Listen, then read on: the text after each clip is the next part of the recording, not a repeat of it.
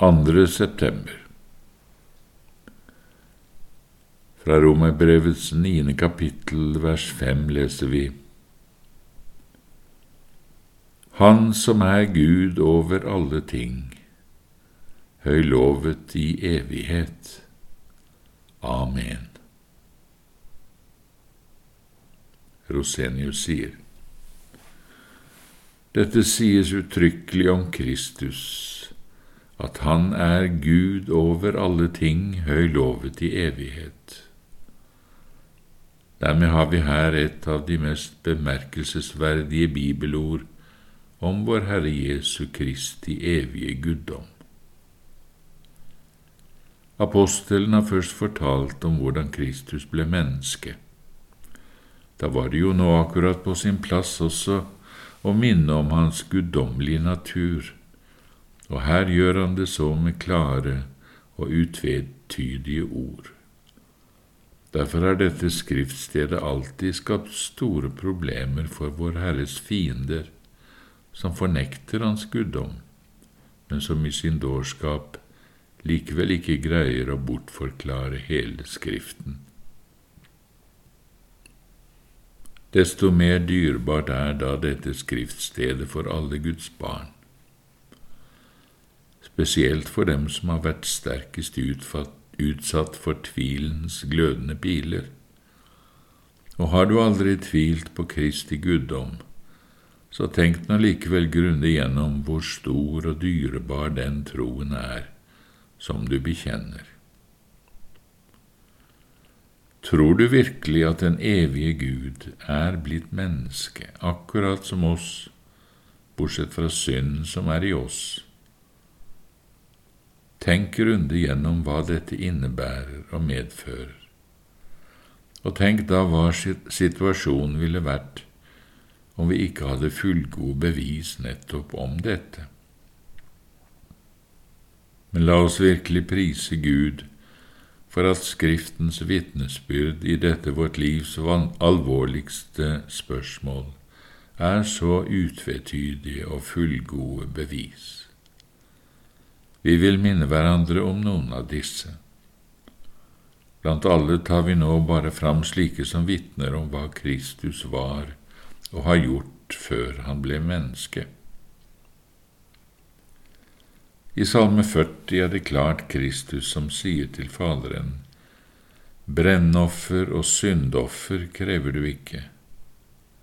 Da sa jeg, Se, jeg kommer. I bokrullen er det skrevet om meg at jeg skal gjøre din vilje, min Gud. Og videre, siden barna har del i kjøtt og blod, fikk han selv del i det på samme måten. Disse skriftstedene viser klart at han var til før han ble menneske. Det samme bekreftes ut fra Johannes 1, i begynnelsen var Ordet, og Ordet var hos Gud, og Ordet var Gud. Han var i begynnelsen hos Gud.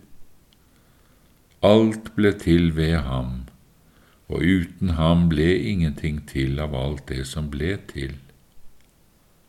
Og Ordet ble kjød og tok bolig iblant oss, når vi så Hans herlighet den herlighet som den enbårne Sønnen har fra Faderen, full av nåde og sannhet. Her sies det uttrykkelig at det var den samme som i begynnelsen skapte alt, som også ble kjød og bodde blant oss.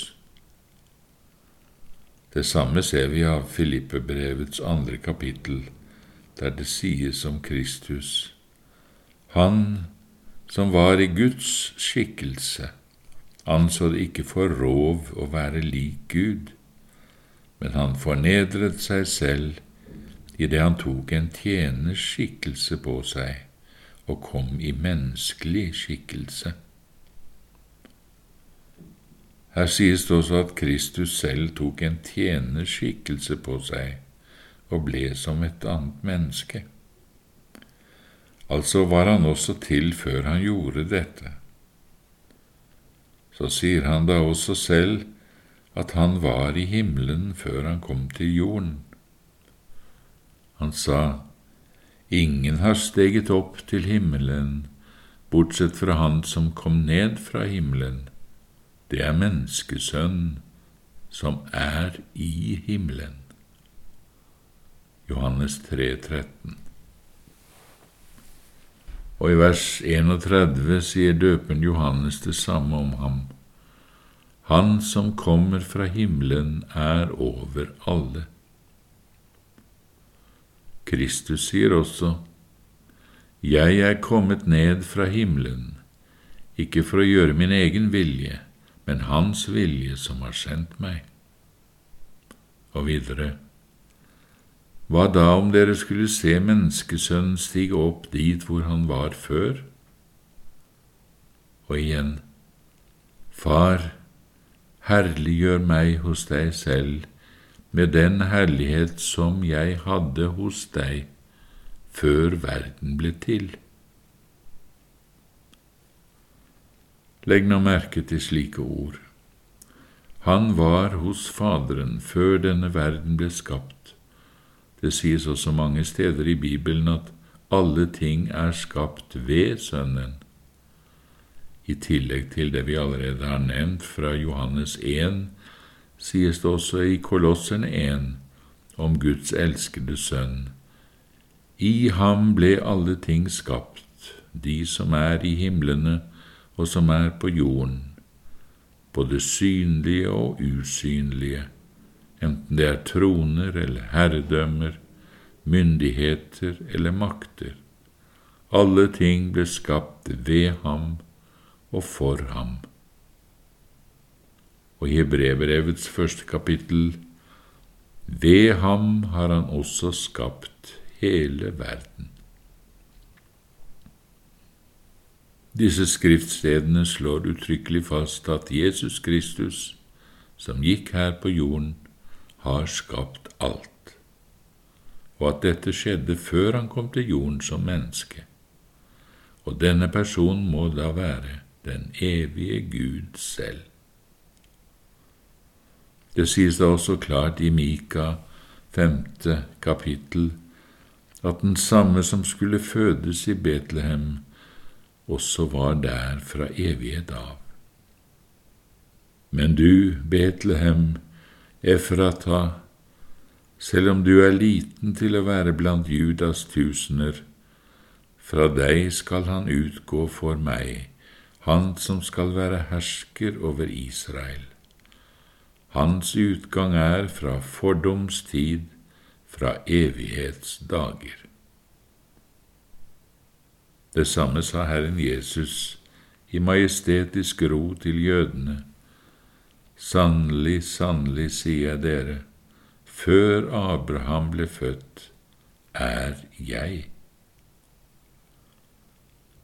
Vi kan ikke fortsette å regne opp alle slike vitnesbyrd, la oss bare lovprise og tilbe den treenige Gud. Og denne sannheten, at Kristus er Gud, høylovet i evighet, avslutter så apostelen med Amen. Amen er en bekreftelse, en stadfestelse som understreker at det som er sagt, er en viktig og urokkelig sannhet. Den sannheten at Jesus Kristus var og er den evige Gud, bekreftes da også med god grunn med Amen. Det har vi sett gjennom alle bibelsitatene ovenfor. Kristus er Gud over alle ting, høylovet i evighet. Amen.